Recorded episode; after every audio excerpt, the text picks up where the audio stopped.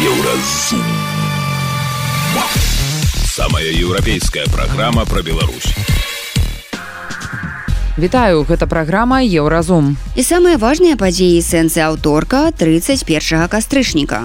Ці сапраўды дам сілы ігнаруюць праблемы мацярынства. Гэтую тэму як быццам аддалі прапагандзе. Вось прапаганда гэта ў нас за гэтыя традыцыйныя каштоўнасці за мацярынства. Гісторыя беларуса, які збег ад пераследу КДБ і дапамагае арміі Ізраіля. О, прабачце, нас уже паціху бомбяць. Паляцелі ракетачкі так уже лятаюць, уже дзеткі же бегаюць смотрыць.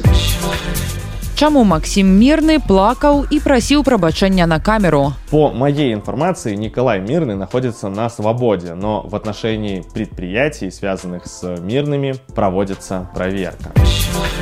Пра гэта ды іншае больш падрабязна цягам бліжэйшай гадзіны. Еўразум. Беларусь у еўрапейскім фокусе.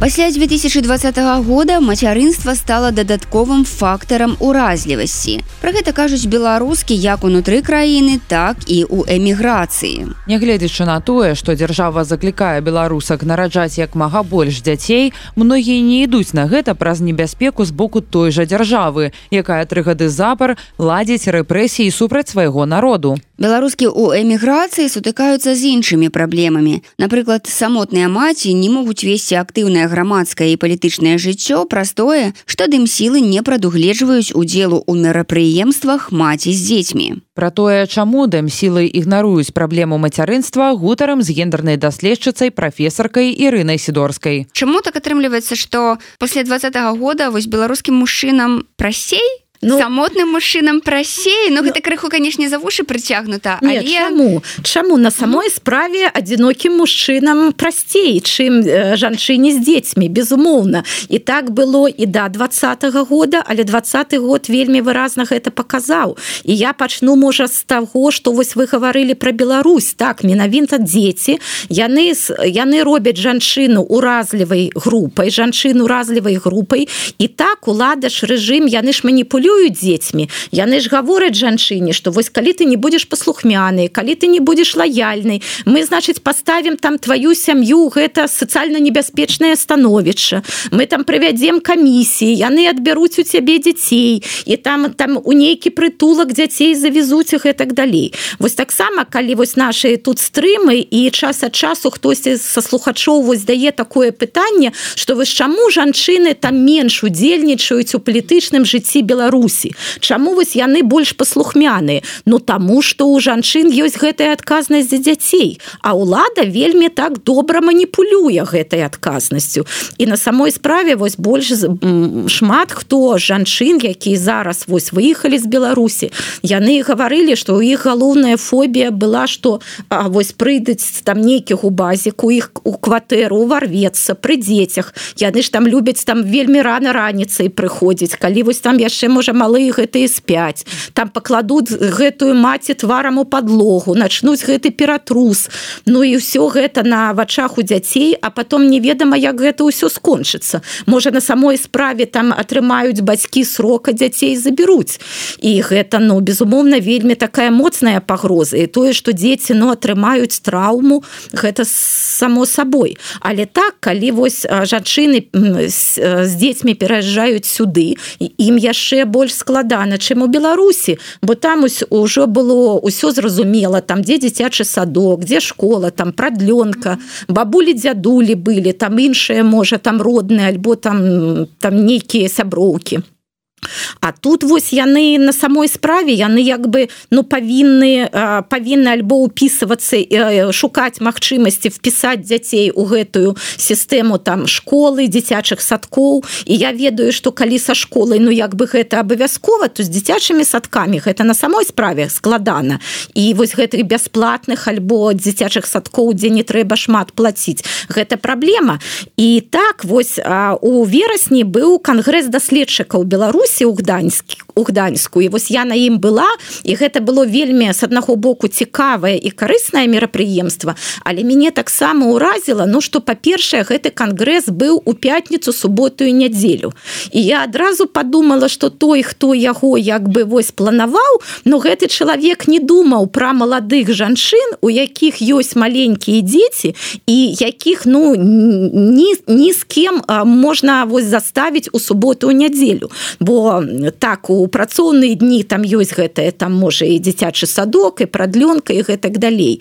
І вось гэта зразумела калі арганізатары калі там ну напэўна сярод арганізатараў арганізатараў няма арганізатара да і яны не могуць і яны не могуць паглядзець іншымі вачыма на сваё мерапрыемства і вось робяць так каб яно а яно тады оказывается незручным для жанчын. Бо нават калі ну цябе там ужо там не такія маленькія дзеці але субота асабліва нядзеля Ну гэта сямейныя дні і вельмі шмат абавязка у жанчыны менавіта ў суботу і нядзелю. Можа значна больш чым у працоўныя выходныя дні і вось гэта так гэта адчуваецца і не было на жаль ніякага там дзіцячага пакою.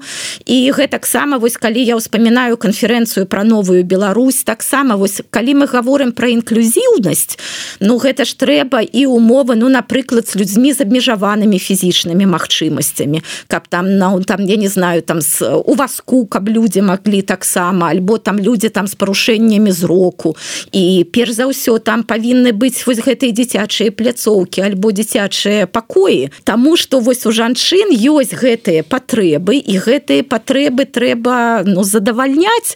Асабліва калі мы гаворам что ў беларусі ну нараджаецца мала дзяцей что там дэмаграфічная бяспека і гэтак далей вы згодныя что цяпер вось тэма мацярынства ну так вельмі сціпла падымаецца ў публічнай прасторы. Менавіта тэма мацярынства у публічнай дэмакратычнай прасторы і ў працы кабінету напрыклад самого самага. Ну вось так. Мне здаецца что гэтую тэму як быццам аддалі прапагандзе. Вось прапаганда гэта у нас за гэтыя традыцыйныя каштоўнасці за мацярынства. А прапаганда таксама на самой справе яна ж не вырашае праблемы жанчын. Яна ж толькі вось прасоўвае гэтыя ідэалагічныя наратывы але вось як быццам і дэмакратычныя медыі дэмакратычныя актары яны ну вельмі рэдка падымаюць вось тэму сям'і мацярынства і гэтак далей. Але ну вось давайте мы і прапануем нейкія варыянты яе вырашэння. Я вось таксама думаю что вось я святлану ціхановскую бачу ну вось там на экране альбо там ну там э, ну праз медыя перш за ўсё атачэнне мужчын. То есть я я ведаю что ее есть дзеці і я разумею что ёсць і бяспека там не трэба там ну рассказывать умоўна там у якой школе яны вучацца але ўсё ж таки можна расказаць вось як яна их выхоўвае як яна сумяшае вось гэтыя свае абавязкі маці і прэзідэнткі палітычнай дзеячкі і гэта будзе прыкладам і для іншых і тады можа ну вось як бы гэтая тэма будзе паднімацца у публічнай прасторы. А то так аддалі вось значыць гэтай прапагандзе прапаганда з таких з пункту гледжання гендерных стэеатыпаў а дэмакратычнае грамадства як быццам і не і не заўважае гэтай тэмы а Працягваем размову з ірынай сідорскай. Калі мы кажам пра гендерную роўнасць, чаму не ўлічваем татаў. А чаму па змаўчанню жанчына агаротная адна з сямейнымі абавязкамі вельмі добра калі ёсць магчымасць улічваць стату так на самой справе. І вельмі добра калі і тата і мама гэта два бацькі якія насамрэч займаюцца дзіцём і займаюцца сям'ёй. Такія ну не толькі выпадкі але ну такія сітуацыі ёсць і гэта вельмі добра. Але ўсё ж таки мы гаворым перш за ўсё альбо пра гэтых адзінокіх маці з дзецьмі. Ну як бы вось гэта ўся сітуацыя пасля 20 двадцатого года. Яны ж у тым ліку як яшчэ ударыла по сем'ях. Весь не ўсе сем'і вытрымалі. І шмат разводаў вось менавіта і у тых хто супраць лукашэнкі і хто вось там можа хтосьці муж альбо жонка сядзіць у вязніцы альбо вось хтосьці пераехаў а хтосьці сям'і яшчэ застаецца на, на тэрыторыі беларусі. І не ўсе сем'і гэта вытрымалі. І гэта на жаль ну натуральна. І зараз вельмі альбо але на парадак больш жанчын застаюцца со сваімі непаўнагадовымі дзецьмі чым застаецца мужчын со сваімі дзецьмі і таму мы перш за ўсё кажам вось пра гэтых жанчын якія зараз ва ўразлівым становішчы.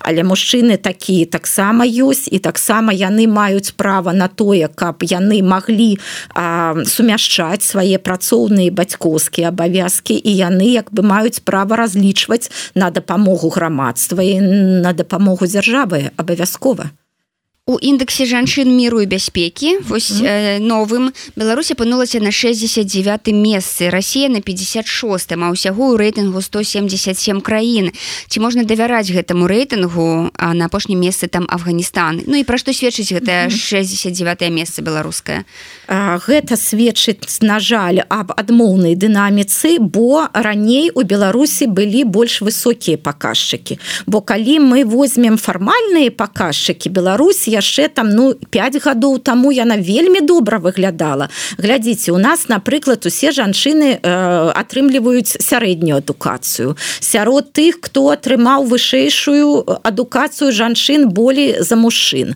У нас сярод працаўнікоў жанчын болей чым мужчын. Я вось нават не ведаю ці ёсць яшчэ такая краіна ў свеце вось дзе сярод тых хто працуе жанчын болей чым мужчын. Вось не ведаю на самой справе. А да далей ўсё ж таки медыцынскае абслугоўванне было добрае і вось напрыклад у нас былі вельмі нізкія паказчыкі по мацярынскай смяротнасці по значыць вось та по смяротнасці ну звязанай з цяжарнасцю і родамі і былі добрыя паказчыкі нават по удзелу жанчын у органах улады бо ну там же амаль не здаецца 40соткаў сярод дэпутатаў гэта менавіта дэпутаткі а тыя хто гэтыя рэйтынгі складае. Яны ж не ведаюць на самой справе што гэтыя ўсе дэпутаты прызначаны што яны не самастойныя фігуры і жанчын таксама прызначалі яны як бы гэтым не цяк, не цікавяцца. Ім галоўнае колькі жанчын. Ну і не ідзе вайна на тэрыторыі беларусі што таксама як бы ну вельмі добра для таких рэйтынгаў. Але 69 месца гэта гэта недобрае становішча. Мы былі вышэй безумоўна.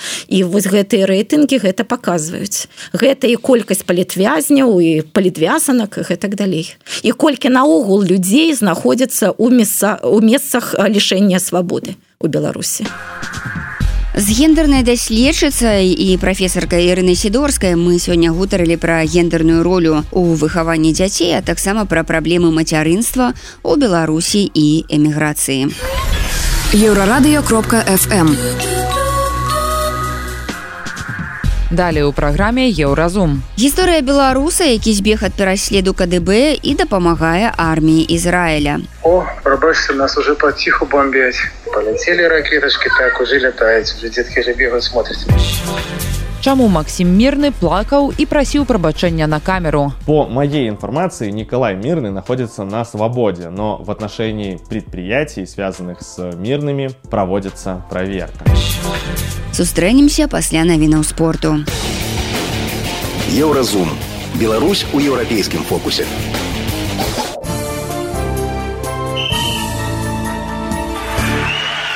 На еўрарадыё навіны спорту аргенцінскі форвард ліянель мэсі атрымаў залаты мяч прэмію заснаваную выданнем фрэнс футбол для найлепшага футбаліста сезона. Ён стаў чэмпіёнам францыі ў складзе пасажэга а разам са зборнай аргенціны выйграў чэмпіянат свету быў прызнаны найлепшым гульцом турніру. У 36гадовага мэсі новы рэкорд. Дагэтуль ніхто не атрымліваў 8 залатых мячоў. у У беларускай хакейнай экстралізе віцебска абыграў нёман. 5-3 у віцебскай каманды стала 38 ачкоў. Яна займае першае месца. На двачкі менш у шахцёра на 7 у гомеля. Прайшоў першы ў гісторыі матч жаночага чэмпіянату беларусі па хакею. У ім на мінскай алімпікарэнні бярэзіна перамагла цытадель 31 у першынстве удзельнічаюць тры каманды. Акрамя згаданых ёсць яшчэ мінчанка. Яна прадстаўляе сталічны рэгіён Вядомы тэнісіст Максім мірны вярнуўся ў Беларусь ЗША і пакаяўся за тое, што ў 2020 выступіў супраць гвалту сілавікоў у краіне. Яго слова апублікавала ў нстаграм-аккаунце Федэрацыя тэніса Беларусі. Трыбуна піша, што ў сілавікоў узніклі падатковыя пытанні да бацькі тэнісіста Мікалая мірнага, які курыруе працу некалькіх кампаній сямейнага бізнесу. Магчыма, з гэтым і звязана вяртанне Максіма ды яго заявы. Гэта былі навіны спорту на еўрарадыё. Заставайцеся з намі.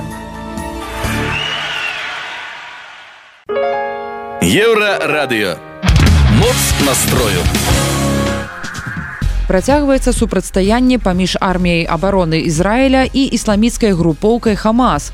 Цахал праводзіць надземную аперацыю ў сектары газа. Вайскоўцы апісваюць свае дзеянні як павольныя і пільныя. У планах Ізраіля знішчыць баевікоў і кіраўніцтва Хамас. Улады Ізраіля кажуць, што ісламісты адмыслова вядуць агонь з мячэцяў і жылых будынкаў, а таксама размяшчаюць свае камандныя пункты і склады ўзбраенняў у школах і лякарнях, прыкрываючыся дзецьмі і раненымі палестынцамі. У сваю чаргу Хамас, які напаў на Ізраіль сёмага кастрычніка, абвінавачвае краіну ў забойстве мірнага насельніцтва. Тым часам беларускія ўлады адпраўляюць эвакуацыйны самалёт у тэлявіу Праўда, на борт пусцяць толькі беларусаў, а каштаваць білет будзе 550-600 долараў.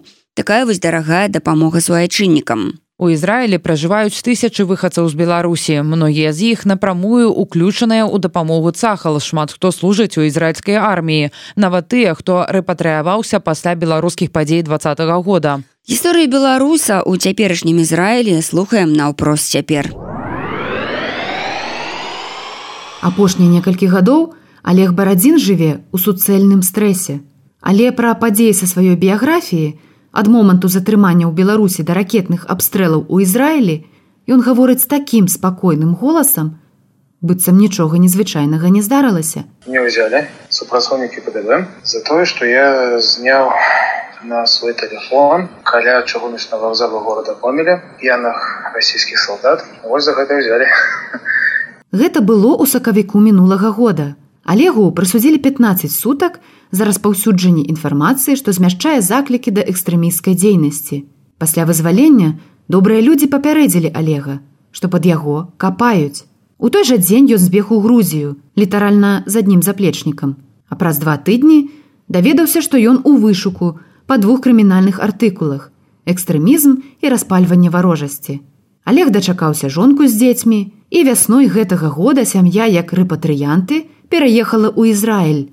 Цяпер яны жывуць у горадзе Кір'ят-гад, што ў 20 кіламетрах ад сектара газа. О, прабачце, нас уже паціху бомбяць. Полетели ракеточки, так уже летают, уже детки же бегаюць, смотряць. Зашло.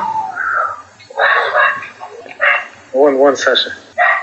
О, видите, уже собаки заголосили, шли стрелять. Вот такие выбухи, плямки такие, такие длинные волочки. По всему небу бог это уже сбиваются ракеты. Полетели, то уже летят наши самолетики в их сторону и бок. Ну, так мы и живем. Праз тое, што кір'ят гад знаходзіцца ў аранжавай, а значыць небяспечнай зоне, яго жыхары могуць не хадзіць на працу. Гэта для таго, каб менш людзей перасоўвалася па горадзе і рызыкавала. Улады забаранілі збірацца ў групы больш чым 10 чалавек на вуліцы і больш чым 50 чалавек у памяшканнях.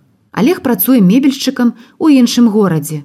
Таму кожны дзень ён едзе на аўтобусе на працу ў бок Тель-авіва і кожны вечар вяртаецца дадому. Вось таму я езжу каждый дзень працую, а ось у меня есть пятница і субота. Вось у гэтыя дні я іду у волонцёрскі цэнтр і там чым могу там дапамагаю.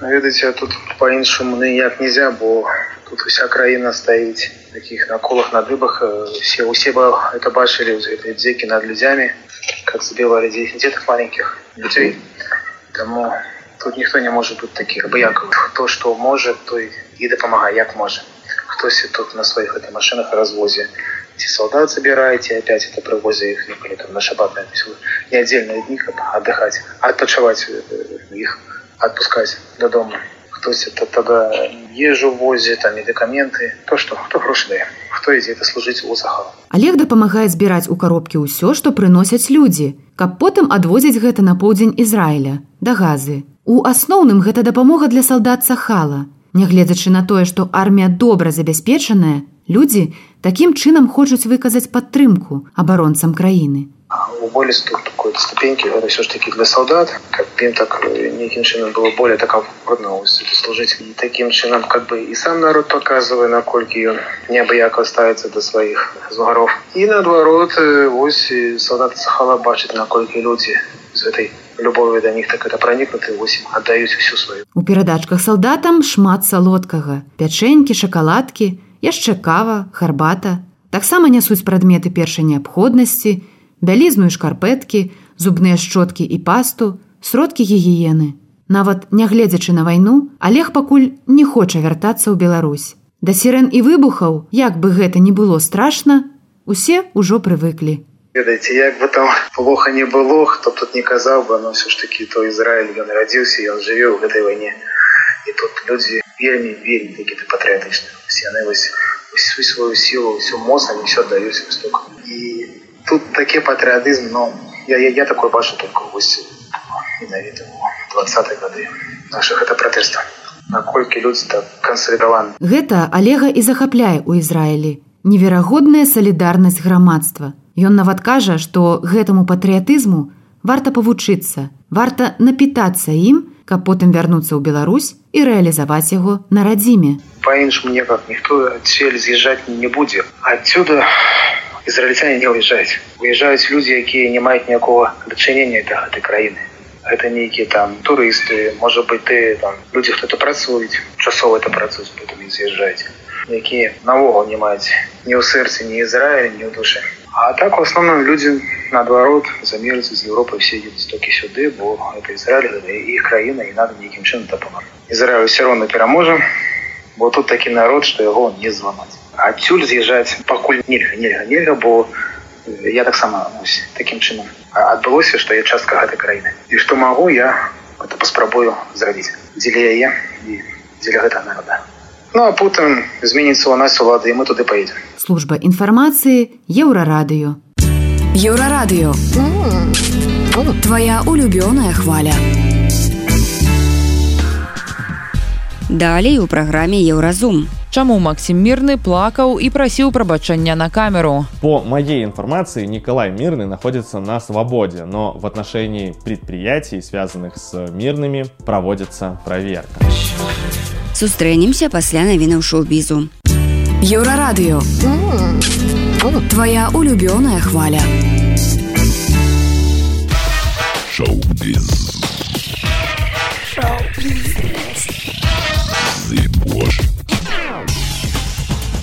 Вітаю гэта навіны шоу-бізу музыкаў торбента судзілі агулам на 24 з паловай года. Калоніі ўзмоцненага рэжыму паведамляюць праваабаронцы. Дмітрый галавач атрымаў 9 гадоў калоніі Яўген бурло 8 гадоў. Андрей ярэмчык 7 з паловай. Для ўсіх калоніяў узмоцненага рэжыму. Таксама музыкаў аштрафавалі на 3700 рублёў кожнага. Канфіскаваныя ноутбук і мабільныя телефоны палітвязня ў судзелі ў гомелі ў закрытым рэжыме з верасня. Музыкаў чые песні сталі сталі сімвалам пратэсту ў 2020 абвінавацілі ў распальванні варожасці стварэнні экстрэміскага фармавання дыскрэдытацыі Рэспублікі Беларусь і абразе лукашэнкі музыка ў гурта торбэнд затрымалі ў рагачове ў кастрычніку 2022 пазней бурло галавача і ярэмчыка некалькі разоў судзілі паводле адміністрацыйных пратаколаў а пасля пачалі крымінальную справу іх перавялі ў гомельская сеза яны прызнаныя палітвязнямі. Сёлета гурт у беларусі быў прызнаны экстрэміскім фармаваннем яго соцсеткі песні кліпы рэжым лукашэнкі лічыць таксама экстрэміскімі кліпы на песні торбэнд мы не народзец жыве хто если не ты набралі больш за мільён праглядаў на youtube Глівудскія акцёры Зоі кравіцы Чэнінг татум жэняцца. Зорка фільма ў супермайк ужо зрабіў прапанову каханай, яе кольца ўразіла прыхільнікаў. Дарэчы, дачка музыканта Лені кравіца, таксама новая жанчына котка Зоі кравіц пачала сустракацца з татумам два гады таму. І калі спачатку іх адносіны былі таемнымі і нібыта сяброўскімі, то праз час зоркі стаміліся адмаўляць відавочнае і пачалі адкрыта з'яўляцца разам на публіцы, захапляючы фанатаў стылем і пар парнымі выявамі. А зараз стала вядома яшчэ адна дэталь з іх асабістага жыцця, пра якую распавялі журналісты Енюс і іншых заходніх таблоідаў. 43гадовы чэнінг зрабіў прапанову 34гадовай зоі, а гэта значыць, што Глівуд чакае чарговае раскошнае вяселле зорак. Спявак робі уильямс распавёў як яму удалося схуднець на 14 лішніх кілаграмаў. І гэтая дыета выклікала пытанні не толькі ў медыкаў але і ў фанатаў. У новым інтэрв'ю газеце the time спявак сумленна расказаў што скінуць лішняе яму дапамаглі трэніроўкі ў спартзале а таксама прэпараты для зніжэння апетыту. Ведаеце эфект падобны на калядны цуд жартам апісаў дзеянне лека ў музыка. Але на гэтым адкрыцці не скончыліся. Аказалася што гэтыя лекі былі прапісаныя робі з-за псіхалагічных праблем і яго дыягназу гэта былі навіны шоу-бізу заставайцеся на хвалях еўрарадыё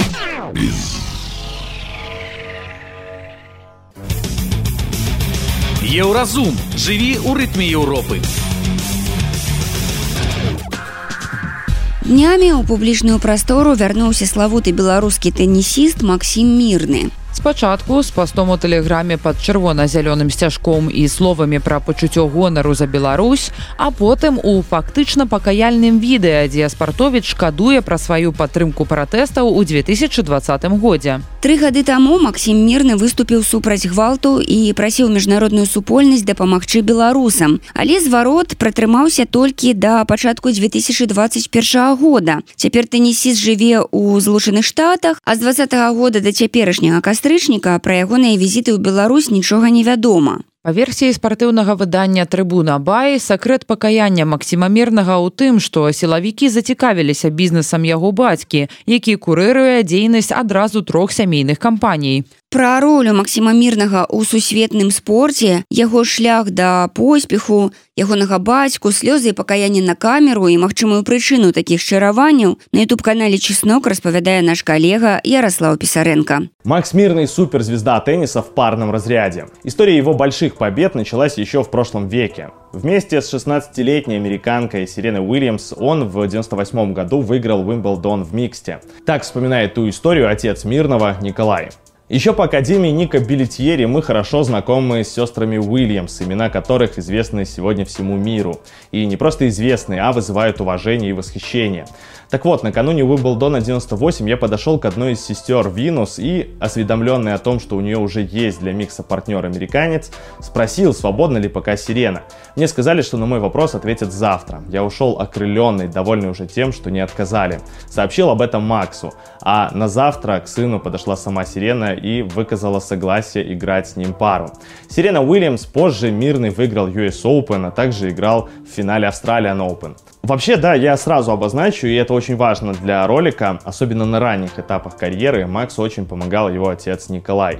Мирный младший уехал играть в Америку, где завоевал первые трофеи, а его отец продал все, что можно и переехал к сыну, чтобы помочь и оказать максимальную поддержку. И до встречи с Сиреной дела шли действительно непросто. А ведь до победы в паре с американкой мы с отцом ездили по всяким там сателлитам и могли оперировать лишь какими-то десятками долларов. Условно говоря, я проходил на сателлите пару кругов, зарабатывал долларов 300, и тогда мы могли с папой заселиться в скромный отель.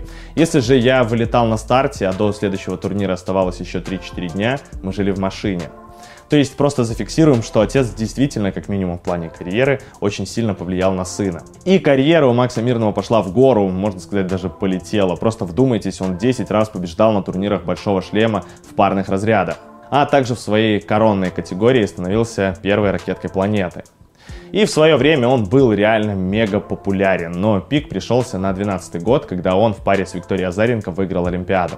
Это вообще был очень большой год для белорусского тенниса. Азаренко сразу взяла бронзу в одиночке, на следующий день золото в миксте. И не будем забывать, что в том же 2012 году Азаренко стала первой ракеткой планеты, а знаменосцем на играх был как раз таки мирный. Не обошлось карьере Максима и без встреч с Лукашенко. На одной из таких он даже подарил теннисисту пистолет.